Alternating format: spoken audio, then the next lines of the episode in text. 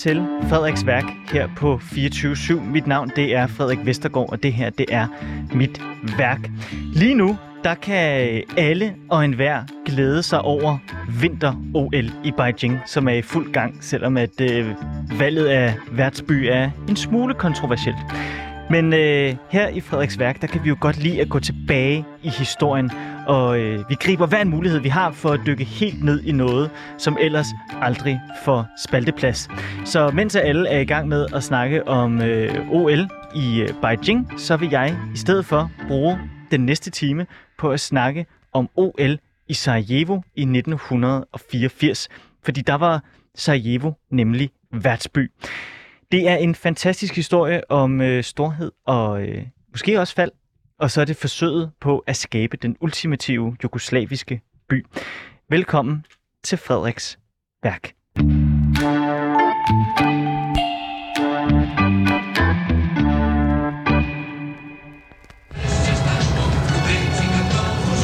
Thousands of Yugoslavia's residents in colorful, high-tech couture entered the stadium for opening ceremonies. Crowds line up shortly past dawn, though all hold tickets, and ceremonies won't begin for hours. Finally, only moments after 2 o'clock, in a celebration that is vast and grand, colorful and diverse as the world itself, the Olympic Games begin. 50,000 spectators, 15,000 athletes, 49 nations together in peace. On behalf of the International Olympic Committee, I should like to thank the organizers and the people of Yugoslavia for the great efforts they have made in organizing this 14th Olympic Winter Games here in Sarajevo.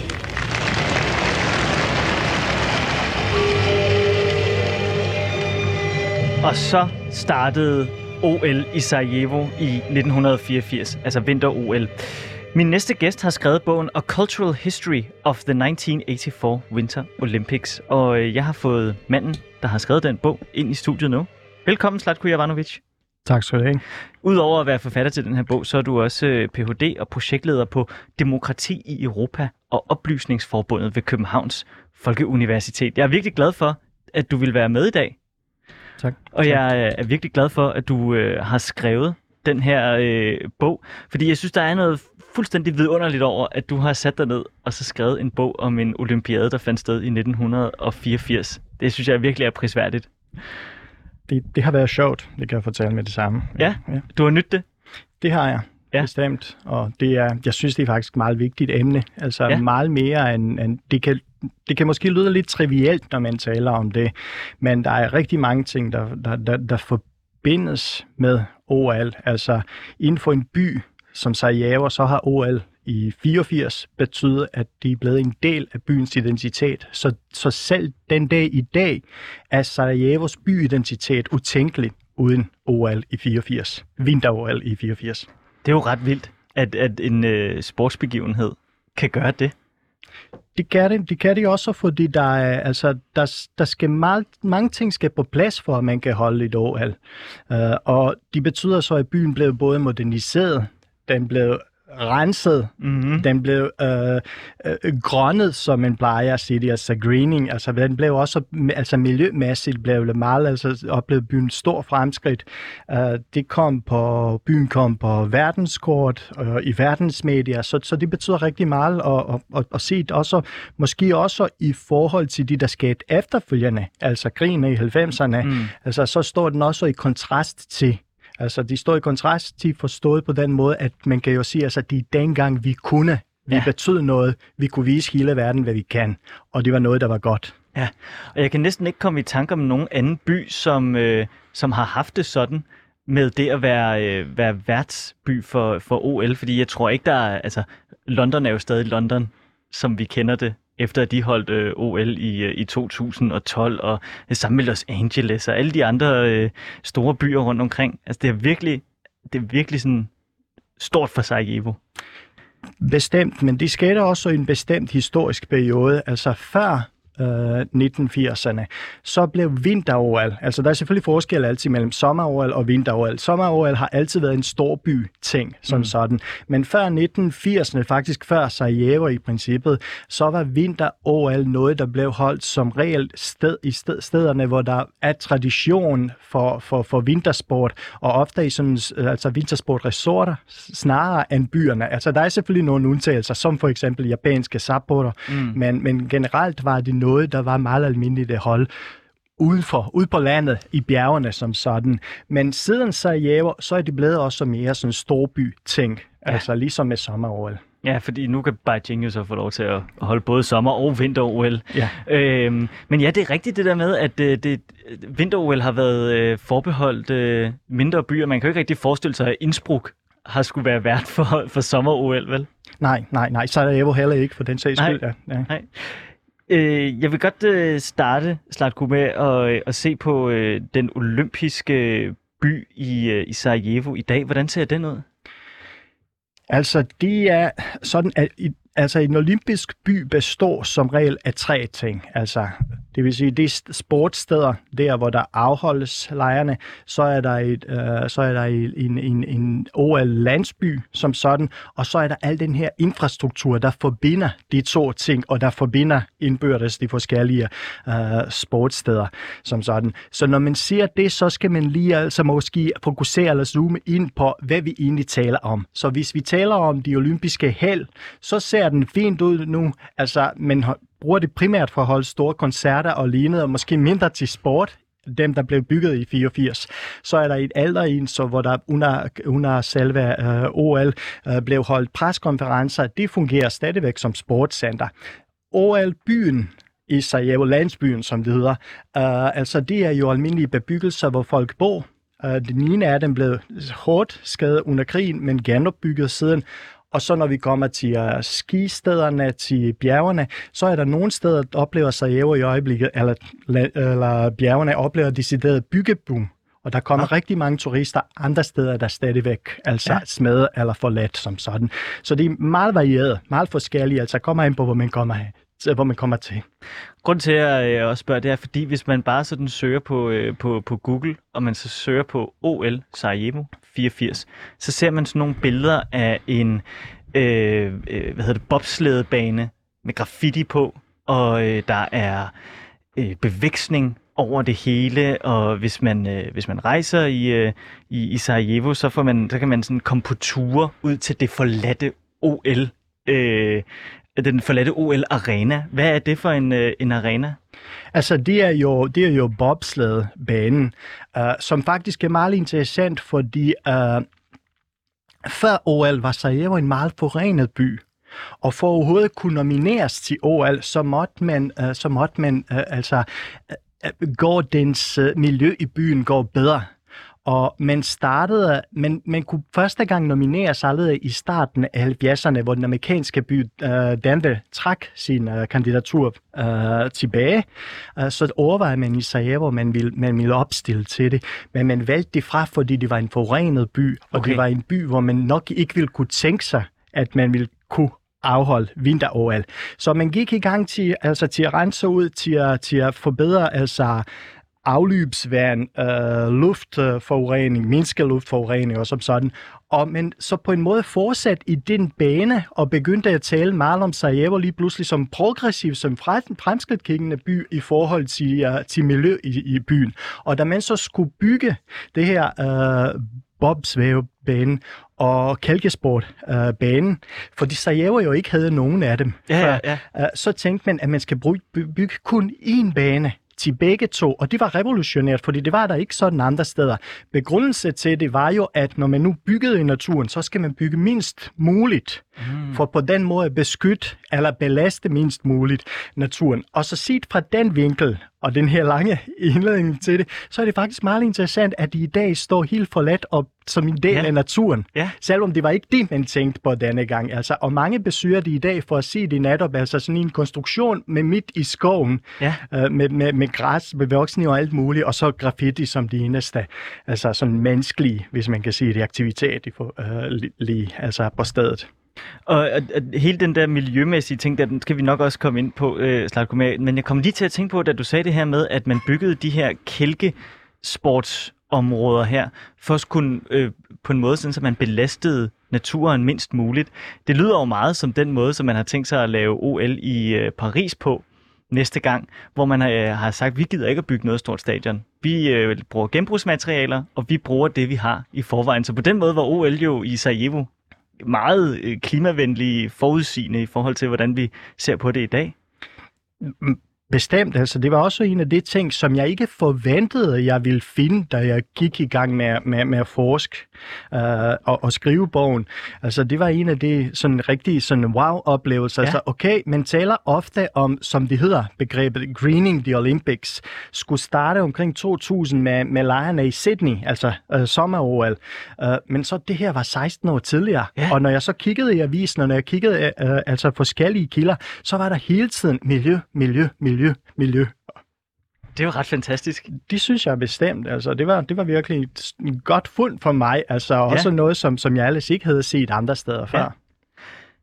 Slavko, hvorfor valgte man Sarajevo som olympisk værtsby i 1984? Altså, historien er øh, den, at Jugoslavien efter 2. verdenskrig, efter, fra, fra 1960'erne, øh, er opbygget efter et øh, federalt, øh, altså opbygget som et federalt system, hvor hver delstatsrepublik havde faktisk ført sin egen økonomisk politik, og også altså kulturel politik og som sådan.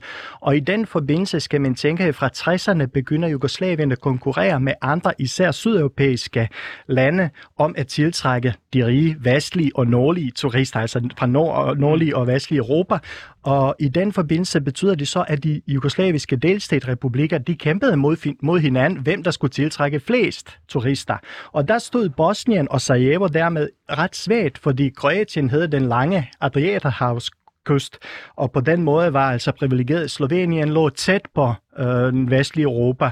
Selv Serbien og Makedonien, som nu hedder Nordmakedonien, lå bedre i forhold til uh, altså, at vejen mod, uh, mod Athen og mod Istanbul gik igennem de byer, for eksempel Beograd og, og Skopje. Så Bosnien og Sarajevo lå lidt afsides, og, men de hed, man havde ikke de bedste veje, men havde, man var alt, lidt for langt fra kysten for at kunne tiltrække turister. Og i den forbindelse henvendte man sig til det, der hedder OECD, altså, som var, fungerede også som konsulentfirma, som oprindeligt var dem, der formidlede Marshallhjælp i Europa.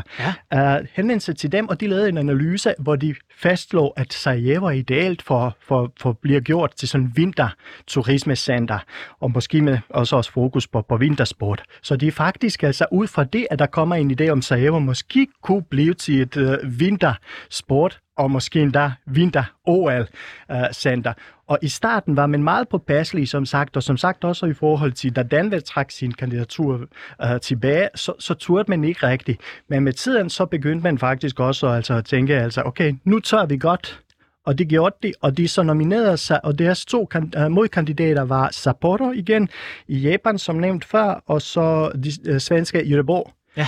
Og Sapporo slåede man på, at man sagde, at vi skal ikke holde det igen i en by, hvor der var OL på, på blot 12 år siden, fordi det vil, det vil ikke være godt for, for, for hele ånden. Altså, det skal nå ud til hele verden. Det er det, den jugoslaviske lobbyisme gik ud på. Uh, omvendt slåede man uh, Göteborg på, at uh, der lå blandt andet skistederne 100-130 km fra ja. byen. I Sarajevo lå alt inden for radius på 20 km. Og der begyndte man også at tale om det her, hvis det ligger tæt på byen, så belaster man mindre miljøet. Og vi skal huske, vi er i 70'erne, hvor man begynder at tænke miljøet det ja. hele. Og det den, og da man så fik OL, så var der også nogen, der sagde, okay, nu fik vi det, men måske er det alligevel ikke en god idé, fordi vi mangler alt. Vi mangler sengepladser, vi mangler sportssteder. Så jeg havde ikke engang uh, ishockeyklub på det tidspunkt, altså hvor de fik uh, altså, lov til at, til at blive OL vinter, vinter OL's uh, værtsby. Så, så der stod man lige pludselig i en situation og tænkte, okay, nu skal vi bygge det hele fra bunden af, og selv opbygge tradition, som vi i princippet ikke havde. Og den tradition byggede man lidt ved at faktisk, hvad skal man sige, låne fra Slovenien, fordi der havde man så tradition i den del af det tidligere Jugoslavien, tradition for vintersport, men ikke i Sarajevo. Du siger, Slako, at man ligesom følte, at nu tur man godt. Og så kommer jeg til at tænke på, at det, at man føler, at man, man, man tør, det foredrager så også, at man har ikke følt, at man havde den øh, stemme på den internationale arena, der skulle til for at kunne tiltrække OL. Var der sådan lidt, gik man sådan ydmygt til det? Altså, det er, øh, der, var, der var blandt andet den såkaldte jugoslaviske mand i Lausanne, som hedder Petar Lukac, en mand, der sad i det olympiske komité, som var den her mand, der førte meget den her lobbyisme. Altså, og han gjorde det så altså meget snedig og meget klogt. Uh, men i starten var jugoslaverne måske ikke udmy, men meget usikre. Ja. Så for eksempel lokalt i Jugoslavien, i pressen, jeg har fundet kilder, som siger, altså nu skal jeg ikke tale for meget om det her i pressen, fordi hvis vi ikke får det, så er det, så er det lidt for dårligt pinligt. Ikke? Så de ventede til de fik første, Øh, øh, hvad skal man sige, meldinger tilbage om, at der er en chance for Sarajevo kan få det, før de siger, okay, nu kan I godt skrive om det. er, øhm, er det, er, altså, er det stort det her med, at man vælger at afholde OL i en øh, socialistisk stat på det her tidspunkt? Altså, det er det i princippet også øh, set fra den vinkel, at det var kun i Moskva i, i 1980, hvor man afholdte sommer-OL. Øh, Sarajevo var den første vinter-OL i en socialistisk set, og så, var, så betød det meget i forhold til to ting i hvert fald. Den ene, det er finansiering. Mm. Fordi så skal man ikke have private investorer til at finansiere, så man blev enige om, at man finansierede ud fra tipsmidlerne blandt andet, ud fra, øh, der kom fra det jugoslaviske niveau, så fra Bosniens niveau finansierede man det fra, at der kom især de her penge, som skulle bruges til at udvikle turisme. Fordi i 70'erne har vi en afindustrialisering, som i resten af verden, hvor man begynder at flytte fokus i økonomisk øh, udvikling fra turismen til uh, undskyld, fra, uh, fra industrien til turismen, ja. så man flytter nogle penge der. Og så på Sarajevo-niveau, så var det sådan, at man i, i to omgange havde indført, at befolkningen skulle betale 0,2 og 0,5 procent af deres løn som, som en slags uh, ekstra skat til, at det her uh, kunne hjælpe med, at man byggede, uh, byggede både hoteller og veje og alt muligt andet. Men for at de skulle kunne gå det, og fordi det er en socialistisk ideologi om fællesskab som sådan, så argumenterede man også hele vejen vejen igennem, at de skal være noget, der ikke efter OL skal bruges kun til, øh, til elitesport. De skal være til alle. Så altså, olympiske bjerge skulle være til alle.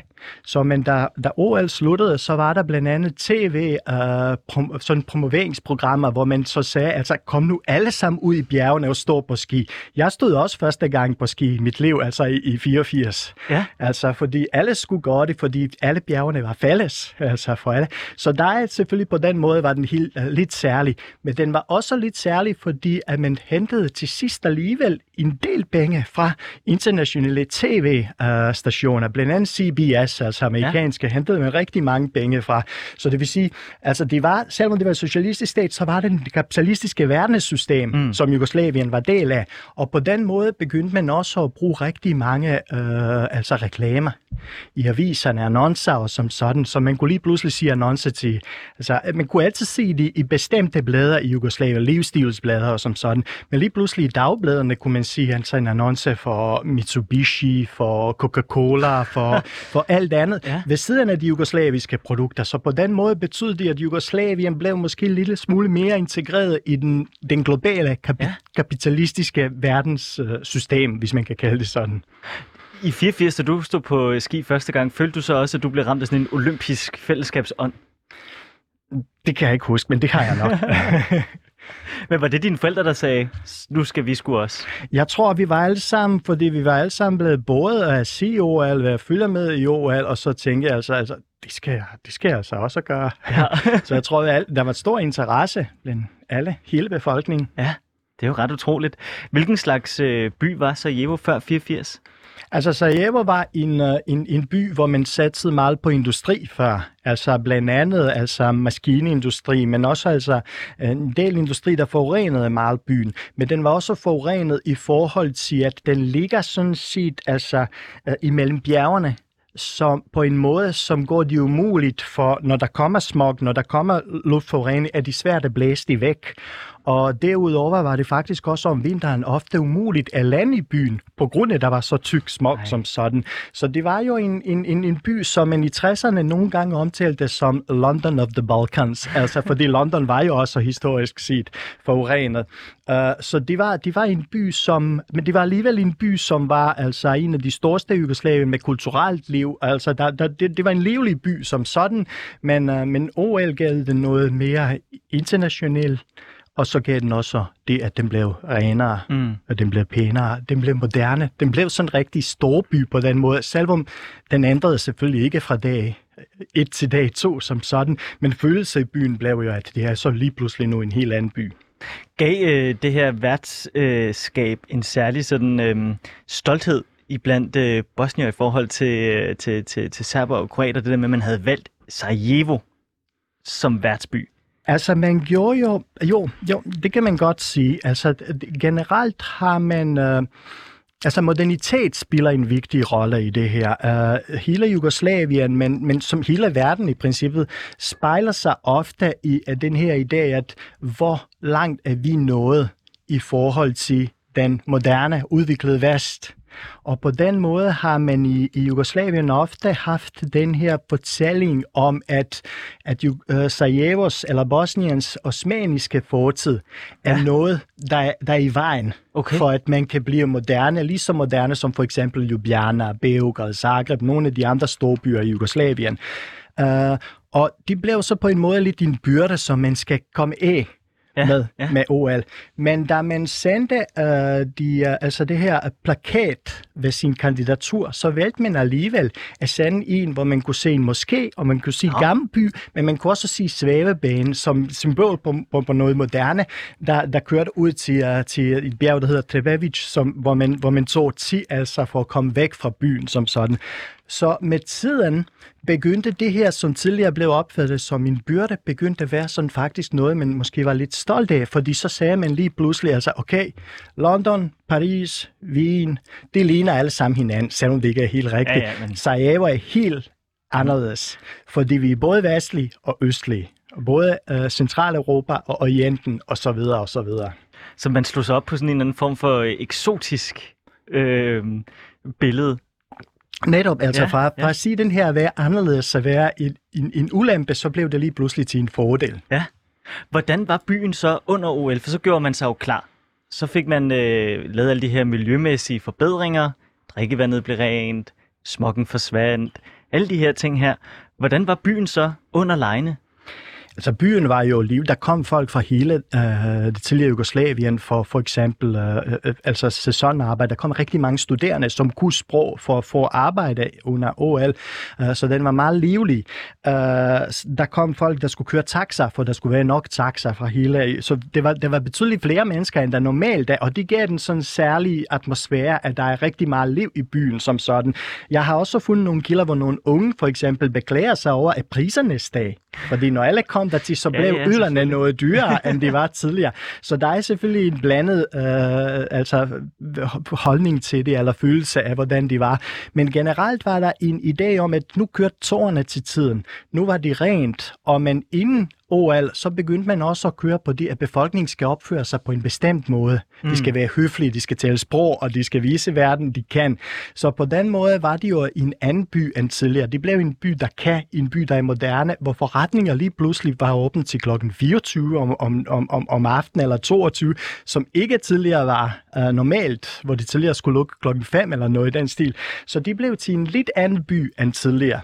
Uh, og måske en anden interessant ting i forhold til det er jo, at selvom der kom rigtig meget sne lige pludselig, så havde befolkningen også engageret sig for, for, for, for rødsneen, for at gå det muligt, for at fortsat kan komme til tiden som sådan. Så de gav en eller anden følelse af at stolthed, der måske også mundede lidt ud, at man var solidarisk med hinanden og tog sig sammen og, og, og gik sammen til det og gjorde det endnu bedre. Og det er mange også altså fra verden, journalister fra andre lande, der, altså, der lovpriste sig i der sagde, altså, det her det fungerer meget bedre end for eksempel for fire år siden i, i Lake Placid. Okay, så man var Det sådan, øh, det, det var virkelig en succes. Det var en succes, og blandt andet, som manden, som vi hørte tidligere, altså Juan Antonio Samaran sagde, at det var de bedste OL-lejre indtil Altså, der blev holdt Hold inden der 84. Altså, det skal man så igen sige en særlig politisk situation i verden, hvor der var, altså, vi, vi er under den kolde krig, Ja. hvor der er en, en meget anspændt øh, forhold mellem øh, USA og Sovjet, og, og i og med, at Jugoslavien eller Sarajevo formåede at holde OL, hvor der kom både Sovjet og, og USA, øh, så var det en succes, ikke mindst for manden, der var formand eller præsident for de internationale olympiske komité. Fordi i 1980 i Moskva, så boykottede Ja, ja, USA det er og rigtigt. 17 andre lande lejrene, øh, og så Sovjet og Østbloklande minus Rumænien øh, gengældte fire år senere. Og imellem de to lejre, så var der lejre i Sarajevo, hvor alle kom til. Så det var også stort, også for chefen for de internationale olympiske komité. Så når han siger det, så tænker han selvfølgelig også, at de er med i billedet. Selvfølgelig. Så, så, så det, er jo, det er jo så spændende, øh, alt det her. Jeg ved næsten ikke, hvordan jeg skal øh, komme videre. Jeg, jeg har så mange ting, jeg gerne vil, øh, vil, vil, øh, vil, vil spørge dig om. Men øh, så, så man, altså, det er jo det er stadig paradoxalt ved, at en øh, socialistisk diktaturstat lige pludselig går hen og bliver en neutral grund for, for øst og vest. Ja, men Jugoslavien spillede, altså nu er der ikke, det skal jeg lige se som historiker, jeg Ja. tror, at de fleste er gået væk fra, altså det er et autoritært stat, øh, som sådan, som Jugoslavien, men der var, der var nogle ting, der var mulige som sådan. En af de ting, der var mulige i Jugoslavien, det var, at jugoslaverne kunne rejse Mm. allerede fra 50'erne Ja, ja, til ja. Vesten. Så på den måde var man forbundet til Vesten anderledes, end man for eksempel var i Moskva. Uh, Udover det på det politiske niveau, så havde Jugoslavien efter bruddet mellem Stalin og Tito, Tito og Stalin vandt sig, øh, vandt sig mere mod, øh, altså mod den globale sød, som det hedder i dag. Det hed det ikke selvfølgelig denne gang. Og så blev en af lederlandene ind i øh, det, der hedder de alliancefri øh, landes øh, bevægelse. Så Jugoslavien allerede fra 60'erne så sig selv øh, som, som en, et modstykke til den opdeling, der var under den kolde krig. Og der gik man blandt andet i 70'erne sammen med lande som, øh, som Sverige og Østrig og Finland ind i øh, det, der efterfølgende blev til OSCE, mm-hmm. altså organisationen for... Så, som, så på den måde Jugoslavierne hele tiden spillede på, også før OL, øh, på det, at, øh, at de hørte hverken til den ene eller til den anden side, og, og prøvede at finde en, en tredje vej sammen med nogle andre lande. Så den var ikke ny, men, den, Nej. altså, men OL gav den mulighed til, at den kom faktisk ud til 2 milliarder mennesker, der skulle se det på fjernsyn, som ikke kunne se det. Før var det kun dem, der interesserer sig for det her, kunne vide det. Så det, det, det, det gjorde man, og det gjorde man rigtig meget ud af. Og det interessante i forhold til Sarajevo er jo, at man kendte byen tidligere, før Mm. det, primært på, at det var netop i Sarajevo i 1914, Ja. at uh, Gavrilo Princip skød uh, ærkehertugen uh, Frans Ferdinand, som blev så brugt som, altså, som altså, første skud på Første Verdenskrig. Så, så Sarajevo på den måde var en by, som man altid altså, forbandt med, med, med, med, med krig, Mm. og altså med Første Verdenskrig, men Første Verdenskrig med store krig Ja. som sådan. Og lige pludselig var Sarajevo en sådan fredens oase i den her kolde krig, ja. altså anspændte situation, som man havde i, uh, altså i 80'erne. Så, og de, de brugte Sarajevo også rigtig meget, og blandt andet, når de blev omtalt i udlandsk uh, presse, om, altså nu er Sarajevo en helt anden by. Dengang stod den for krig, nu står den for fred. Så, så oversatte man det og bragte en lokale presse også for at fortælle til befolkningen, altså se, vi, har, vi, er, vi er noget andet. Vi bliver set som nogle helt andre, end vi gjorde for blot få år siden. Og det har også betydet noget for Ja, befolkningen. det er klart. Men, men, men en ting er det internationale, det andet det er jo så også det nationale, fordi Jugoslavien det er jo, var jo et, et kæmpe kludtæppe af etniciteter og religioner og, og, og alle mulige forskellige folk. Forsøger man at lave en eller anden form for sådan en fælles jugoslavisk identitet omkring det her OL? Ja, det gør man. Det gør man bestemt. Altså, igen, konteksten er jo, at Sarajevo ligger næsten i det geografiske centrum af Jugoslavien. Mm. Det geografiske centrum for Jugoslavien ligger, jeg tror, 12 kilometer, mm, hvad det så, vest for byen. Uh, derudover er Bosnien, den centrale af de jugoslaviske republikker, den, der ikke har en flertalsbefolkning, men blandet befolkning, altså bosniske muslimer, bosniakker, og så kroater og, og serber. Uh, så og, den, og under 2. verdenskrig, så skete mange af de store kampe, altså modstandskampe mod besættelses, øh, tysk besættelse, netop i Bosnien. Så man har på den måde allerede efter, efter 2. verdenskrig bygget øh, opbygget en, en fortælling om, at Bosnien er en lille Jugoslavien, og Sarajevo endnu mere. De er hele Jugoslavien presset i en by. Så hvis du vil opleve Jugoslavien, så er det nok at komme til Sarajevo. Så det vil sige, at Sarajevo havde allerede før OL en meget stærk jugoslavisk identitet. Måske mere jugoslavisk end, end national, og lidt i modsætning til andre steder i, i Jugoslavien. Ikke helt, de andre var jo også jugoslaviske før krisen i 80'erne. Men så når de så sker her i 80'erne, så skal man, når man har OL, altså når man kigger på sådan en åbningsceremoni eller noget, så, så står værtsnation og performer sin nation over for verden.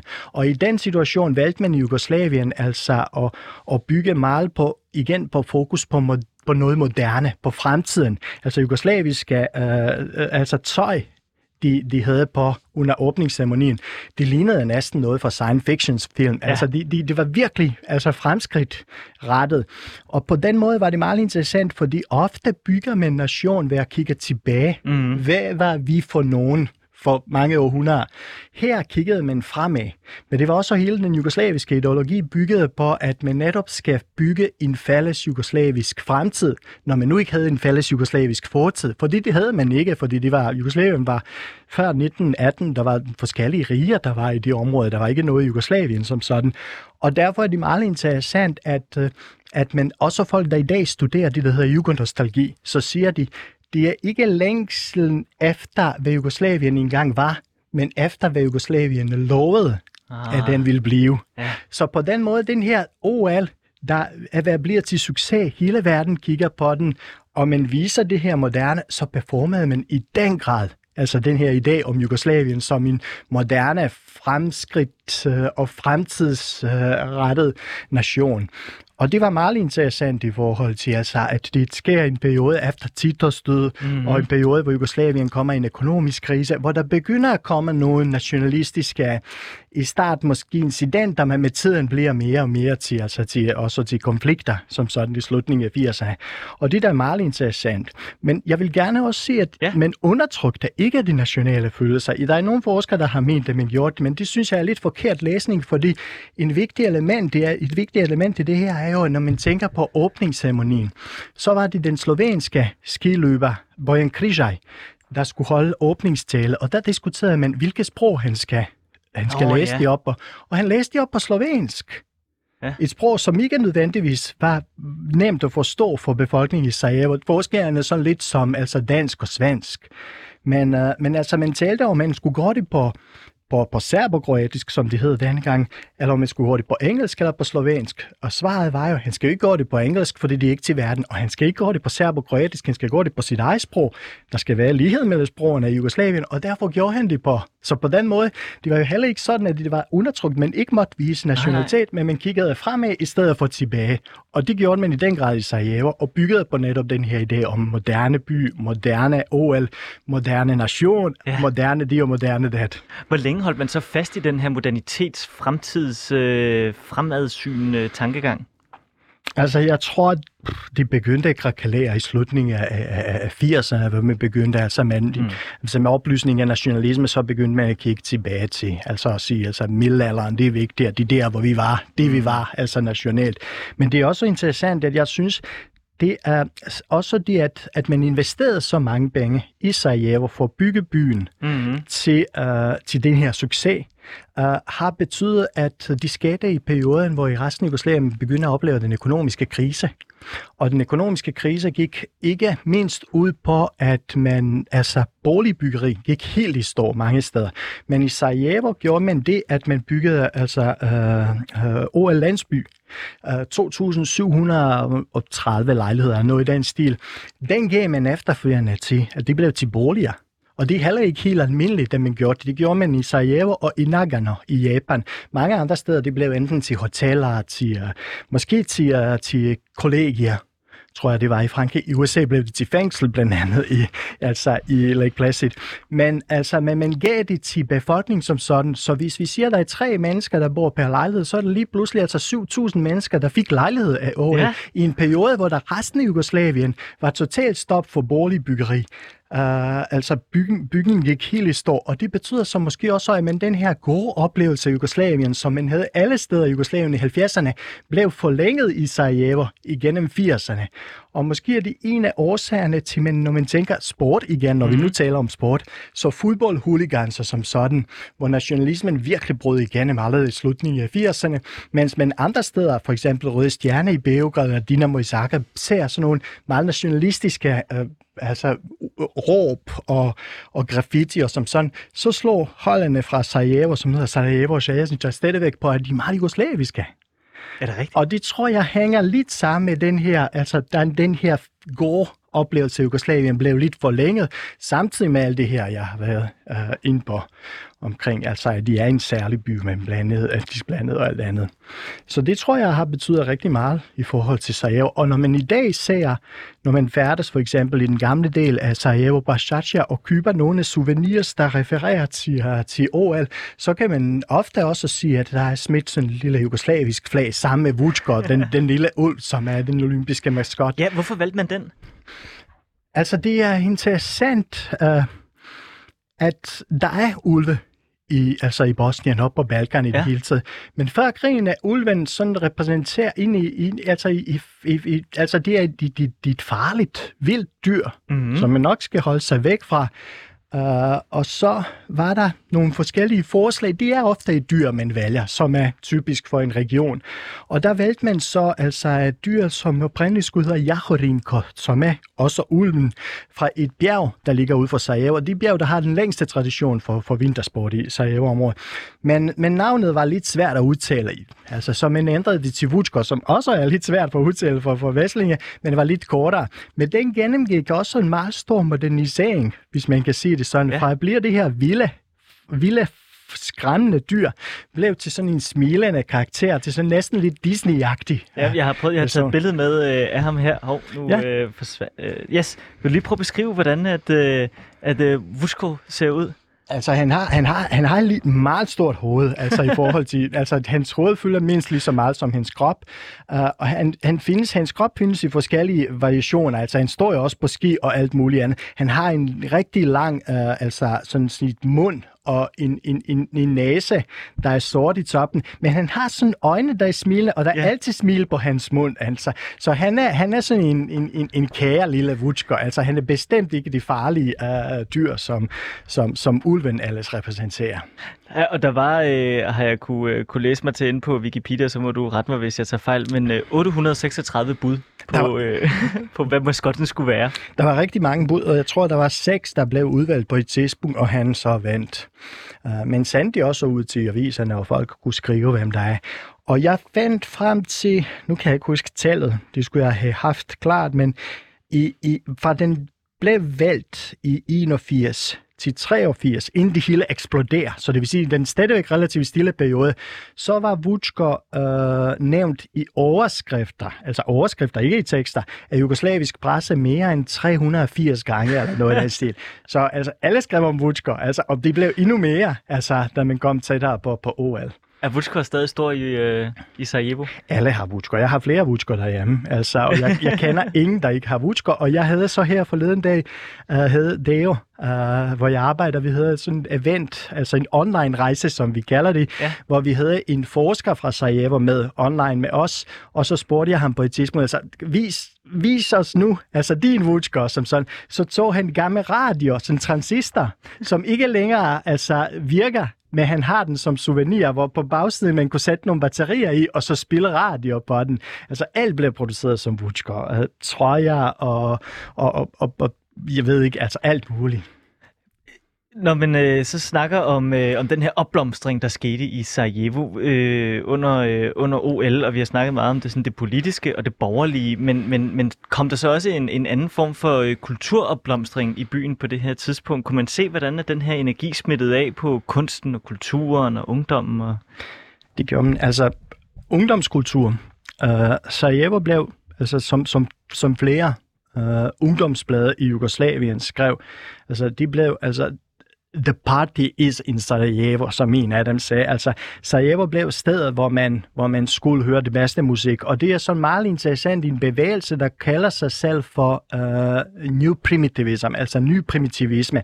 Og de spillede netop lidt på det, som vi talte om tidligere, at Sarajevos uh, orientalske fortid har altid været lidt i vejen for, for at være helt moderne ja. på samme niveau som andre jugoslaviske hovedsteder eller, eller storbyer.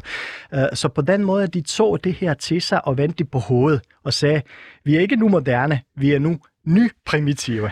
Uh, og, de, og de brugte meget lokale glosser og slang fra Sarajevo, når de sang, og referencer var ofte faktisk til OL. Nu kører du i taxa i en olympisk by, eller noget i den stil, altså.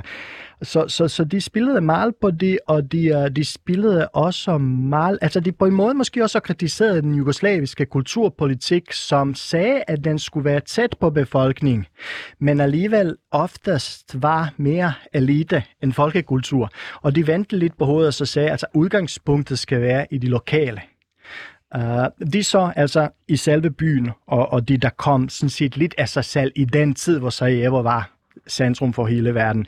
Men når man så taler om Jugoslavien og jugoslavisk kulturpolitik og den kultur, der var der, så gjorde man også rigtig meget igen i den her ånd for at vise, at Jugoslavien er falles, og i Sarajevo er de falleslejre for hele Jugoslavien, så gjorde man også det, at man, man havde udstillinger, man havde teaterstykker, man havde opera og alt muligt, hvor der var øh, hvor der var orkestre, hvor der var øh, kunstnere fra alle dele af det til Jugoslavien. Fordi, altså, på det tidspunkt fra hele Jugoslavien, selvfølgelig. Hvor man blandt andet sagde, at altså, hvis, hvis et land er slovensk, så er det samtidig også jugoslavisk. Hvis de er bosnisk, så er det også jugoslavisk. Og derfor havde man alt muligt. Og man åbnede også restauranter, der skulle servere mad fra Kosovo, fra mm, nordlige Kroatien osv. Så, så, videre. så på den måde blev byen faktisk også gjort mere jugoslavisk, ja. kulturelt med øh, og alt andet. Altså, fordi der skal jo hele Jugoslavien skal præsenteres også, fordi blandt andet man gerne vil have flere turister til at komme til Jugoslavien. Først og fremmest til Sarajevo, men også til hele Jugoslavien efter krigen, så, eller undskyld, efter, efter OL. Efter OL ja. Men nu siger du, at man fik det, det er pludselig noget helt andet øh, mad. Hvordan så, øh, så maden ud før? Altså det, man spiser øh, i Sarajevo og resten af Balkan ligner jo selvfølgelig hinanden, men der er nogle lokale variationer. Så kan det for eksempel være oste fra en bestemt del af, af Serbien, eller kan være tartufi fra Istrien, eller sådan. Altså, jo tættere på et land man kommer, jo mere af ens lokale køkken inspireret. Så hvis vi er tæt på Italien, så er den mere italiensk mm. inspireret. Hvis vi er tæt på Ungarn, så er den mere ungarsk inspireret, osv. Men i Bosnien spiser man altså blandt andet, at bosnierne kan for at spise det her små kødpinde, som hedder cevapcici, uh, der, der, altså, der serveres med, som, med brød, som hedder somun eller lapina, kommer ind på, hvor man er henne i Bosnien. Uh, og det er så noget, som er anderledes end, end mange andre steder i i Jugoslavien, og derudover det, man kalder for burek, det vil sige altså dej, sådan bagværk, hvor man ruller dej, og ind i dejen ruller man kød. Mm. I, I andre, det, hele, hele Balkanområdet kalder man burek alle slags for den her dej, hvor man ind i den kan rulle både ost og spinat og kartoffel og så videre og så videre. I Bosnien er det kun den med kød, der hedder burek. Okay. Hvis det er med ost, så har den, den dens egen navn. Men i og med, at kød altid har et eller andet historisk har haft en lille højere status mm. end andre uh, medvarer som sådan, uh, så er burek yndlings øh, ret i Sarajevo. Det er sådan en livret for bosnierne. Og det er meget interessant, da Jugoslavien for første gang nogensinde vandt en øh, medalje vinter-OL i Sarajevo, fordi Jugoslavien er en sommersportsnation, der vandt rigtig mange medaljer i basketball, håndbold og så videre og så videre. Og gode fodbold også. Og fodbold og alt muligt, men, men uh, vintersport indsat før 1984. Og i 1984 så vinder en ung studerende, journaliststuderende fra Ljubljana, uh, Jure Franco, vinder sølv i skiløb, og Sarajevo reagerer på det ved at sige, det laver lidt hans navn om til, i stedet for Jurek til Jurek, så siger de, vi elsker Jurek mere end Burek. For at vise, hvor meget de elsker ham. De elsker ham mere end livretten. uh, så maden har jo på den måde også fået lidt indbas i hele den her altså, olympiske diskussion som sådan. Så prøvede man at, øh, at, at, fremme Budek til, øh, til, til, til alle de udenlandske øh, turister og, og sportsfolk, der kom til Sarajevo i 84, eller, eller hvordan øh, udviklede maden sig så der under OL? Altså, alle skulle spise det, fordi man slår Ja. ja. på, at det traditionelt med, altså på Balkan, Budek og Cevapcic, det skal man, det skal man selvfølgelig Ja. smage sig, og så var der også masser af andre retter, men det, er det, og så skal man gerne måske også have en lille slivervits til det, så Det er klart. det, det skader jeg ikke. Jamen, det var bare, fordi jeg var nervøs for, om man lige pludselig bare sådan med, øh, med den her internationalisering og så videre, bare blev overrendt af McDonald's og, øh, og Burger King. Mm, nej, nej, nej, nej. McDonald's kom senere, og det er meget interessant. Igen sport. Ja. Uh, først er McDonald's i den socialistiske verden, som man plejer at se, det åbnede vist i Beograd, jeg tror i 87. Ja. Uh, og der var en kamp, fodboldkamp mellem Rød Stjerne fra Beograd, og jeg tror, det var Hajduk fra Kroatien, fra Split. Uh, så sang øh, tilhøren af, af, af Røde Stjerne, vi har McDonald's, men det har I ikke. så det blev brugt på en måde lige, altså for et talsæt. Vi er mere moderne end I er, selvfølgelig. Altså, men, men nej, det kom jo ikke på det tidspunkt. Jeg tror, det er mere, at der kom alle de her andre retter. Mm. Uh, men der kom også nogle internationale restauranter, men mere det end, end fast food. Fordi altså bosniernes, de er stadigvæk, der er stadigvæk ikke ret mange McDonald's i Bosnien, fordi jeg tror, de fleste bosnier stadigvæk vil hellere have en lille budek i hånden end en lille mm, burger fra McDonald's. Det er også meget sjovere at få en budek, når man nu er i Bosnien. Altså, ja, ja, klart. og de er gode. Det er det. Ja, Bestemt. de er, de er virkelig gode. Men øh, med, med, med OL i Sarajevo, så, øh, så vokser byen, og, øh, og det, det, det hele det lyder fuldstændig øh, fantastisk. Men når OL så er, er slut, øh, og folk kommer ud og overtager de her olympiske pister og så videre. Du siger, at den her ånd, den lever videre. Jeg tænker på, om man sådan stadigvæk i dag taler om øh, den olympiske ånd fra, fra 84, som lever i Sarajevo i 2022. Ja, øh, i, altså Bosnien i dag er jo noget helt andet Ja, end Bosnien ja, ja. 84, og det er et, øh, et stærkt etnisk opdelt samfund, hvor grænsen mellem det, der hedder Republika Srpska, den, mm. altså serbiske, hvis man kan sige det sådan, en del af Bosnien, og det, der hedder Federation, som er kroatisk bosniakiske, går jo faktisk igennem byen Sarajevo. Uh, og på den måde er altså ånden af OL bliver også til ånden af noget, der er ikke nationalistisk. Ånden af noget af, fra den tid. Men de blev yderligere forstærket i forbindelse med, at Sarajevo og så Øst-Sarajevo, den del af byen, som i dag ligger i Republika Srpska, i 2019 holdt det, der hedder uh, EOF, det vil sige ungdoms-OL. Mm-hmm. Uh, for første gang, altså to enheder, der i alles etnisk stærkt opdelt ja. uh, land, holdt vinter uh, OL for unge, godt nok ikke store OL, sammen, uh, hvor altså skistederne og alt andet pågik på, på tværs af grænserne, og de samarbejdede, og de arbejdede, de, de gjorde det godt som sådan. Så det vil sige, altså OL på den måde uh, har jo potentiale også til at samle folk, og der talte man meget med, at altså nogen sagde, nu er de olymp- den olympiske ånd vendt tilbage til byen i 2019, og så var der andre, blandt andet ham, der vandt, mm. uh, der vandt sølv af OL, sloveneren Jure Franco, der var på besøg der, så sagde han, nej, de- den olympiske ånd har aldrig forladt Sarajevo, den har altid været her. Og det betyder også så meget i forhold til, når du færdes ind i byen, og ser på for eksempel vejskilte, så står der stadigvæk, hvis der er en vejskilte til et hotel eller til øh, sportssted, der er bygget denne gang, så hedder det ikke bare med navn. Så er det ikke bare arenaen, men det hedder de olympiske arenaer, de olympiske hotel, de olympiske det og de olympiske det. Altså det her olympiade fylder stadigvæk, OL fylder stadigvæk på alle mulige niveauer ind i byen. Uh, og på den måde kan man jo godt sige, at altså den, den, også den generation, der er født efter efter, efter OL på en måde oplever, som om de er del af deres livshistorie, selvom de er noget, de måske kun har fra deres øh, forældre eller fra skolen som sådan. Så på den måde kan man jo godt sige, at jo, der, der er stadigvæk olympiske ånd i Sarajevo. Den har altid været der. Og hvor stor er skisport så i Sarajevo i dag? Altså, den er ikke så stor, men det er, det er altså de skisteder, som altså blev brugt Ja, i forbindelse ja. med OL, der er rigtig mange lokale, der kommer der til. Altså, de er jo dejligt, fordi de ligger så tæt på byen. Ja. Så hvis man er heldig og har et arbejde, hvor man kan smutte lidt tidligere, som klokken 3, så kan man nå at stå på ski alle, altså selv i hverdagen nogle timer, altså i vintersæsonen. Så der er man heldig, og de er mange lokale, der bruger det. Men der har jo selvfølgelig været også nogle konkurrencer, man har talt om, man vil igen prøve at gå det ligesom i 70'erne, hvor netop den, jeg nævnte tidligere, ja. Jakorina bjerget, øh, blev altså et af bjergene, hvor man afholdt det, der hedder World Cup. Altså, så man har jo talt om, at det, man skulle have det igen, men det er alligevel noget dyrere end som sådan. Slarko, man, man taler om, øh, om OL-værtsbyer, øh, så er der jo for eksempel sådan noget som OL i sommer-OL i, i Rio. Det blev kontroversielt, fordi at det var et enormt fattigt land, og de valgte så at prioritere pengene på en bestemt måde. Og med OL i Kina, så er der også en masse med demokratirettigheder mm. og undertrykte befolkningsgrupper og så videre, så videre og så videre. Hvad tror du, at man, øh, man vil huske Sarajevo 84 for?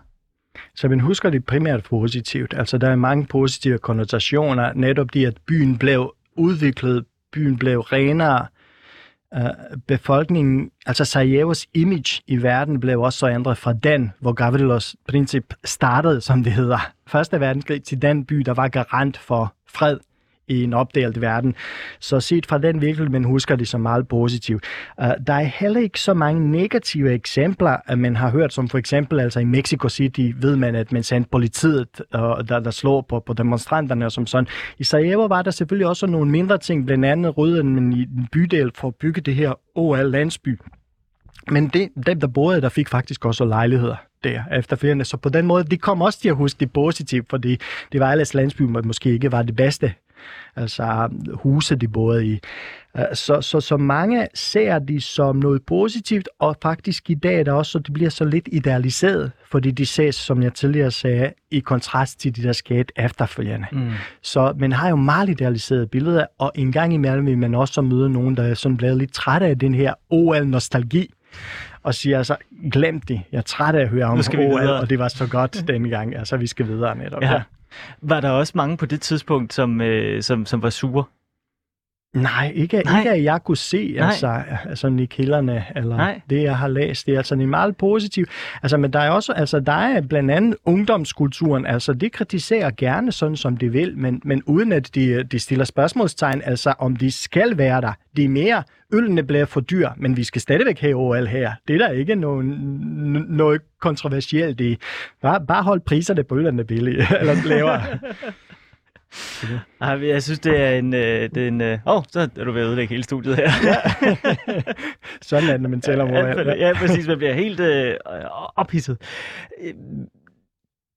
Her øh, afslutningsvis, øh, Slatko, det lyder jo som om, at, øh, at OL i Sarajevo, det har været altså, fuldstændig banebrydende på så mange måder, og så videre.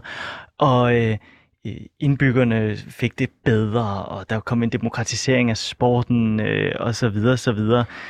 Hvorfor, øh, altså, hvorfor tror du ikke, at vi kan, kan få sådan de samme fortællinger om OL i dag? Uh, det er et stort spørgsmål, synes jeg, men det er meget interessant. Altså, Sarajevo gjorde et eller andet, fordi før OL i Sarajevo, så var det næsten umuligt at få nogle byer til at kandideres, at til, til at altså, lægge kandidaturen til det. Uh, og det var næsten sådan noget, at kun dem, der allerede havde holdt det som supporter, der gjorde det. Men uh, under OL i Sarajevo, og så det efterfølgende, når de skulle nomineres, så var der syv bud lige pludselig. Så de internationale olympiske komité sagde, okay, Sarajevo gjorde et eller andet. Jeg tror, at den her positive energi og den her positive måde at tale om det, altså har jo betydet et eller andet. Og samtidig, de sluttede også som økonomisk succes, fordi man har jo haft OL før, blandt andet for eksempel sommer-OL i Montreal i Canada, som var totalt fiasko, altså økonomisk, hvor befolkningen i mange år efter skulle betale det her. Så jeg tror, at det er noget af det, der har gjort, at, at det blev så positivt, men også selvfølgelig den tid, altså i 80'erne, hvor den blev holdt, altså den splittede verden, og, og det budskab, som man sendte. Uh, så, så, så de tror jeg sådan lidt det, men det er selvfølgelig et lidt stort spørgsmål, altså hvad man skal gøre. Man skal måske også tænke, at, at netop måske sådan en idé, at det skal være til alle. Mm. Og ikke kun til sådan en, en, en lille gruppe af elite sportsmænd udover, og så nogle store investorer, der skruer op på det. Og så er det det, og så går vi videre. Fordi altså i Sarajevo står mange af OL-stederne forladte og smede på grund af krigen, men vi har set de andre steder, hvor der ikke har været krig, altså i Rio, halvt år senere, så står så, så, så ligner ting næsten, altså det, det er værre end i Sarajevo ja, som sådan, ja. fordi der ikke har været samme fokus på, at de skal også komme samfundet til, til gavn. Det synes jeg var en fantastisk afslutning. Slatko Jovanovic, tusind tak, fordi du ville være øh, med i programmet her, og øh, tak for din bog A Cultural History of the 1984 Winter Olympics. Det var en fornøjelse. Det var en fornøjelse for mig. Tak for det.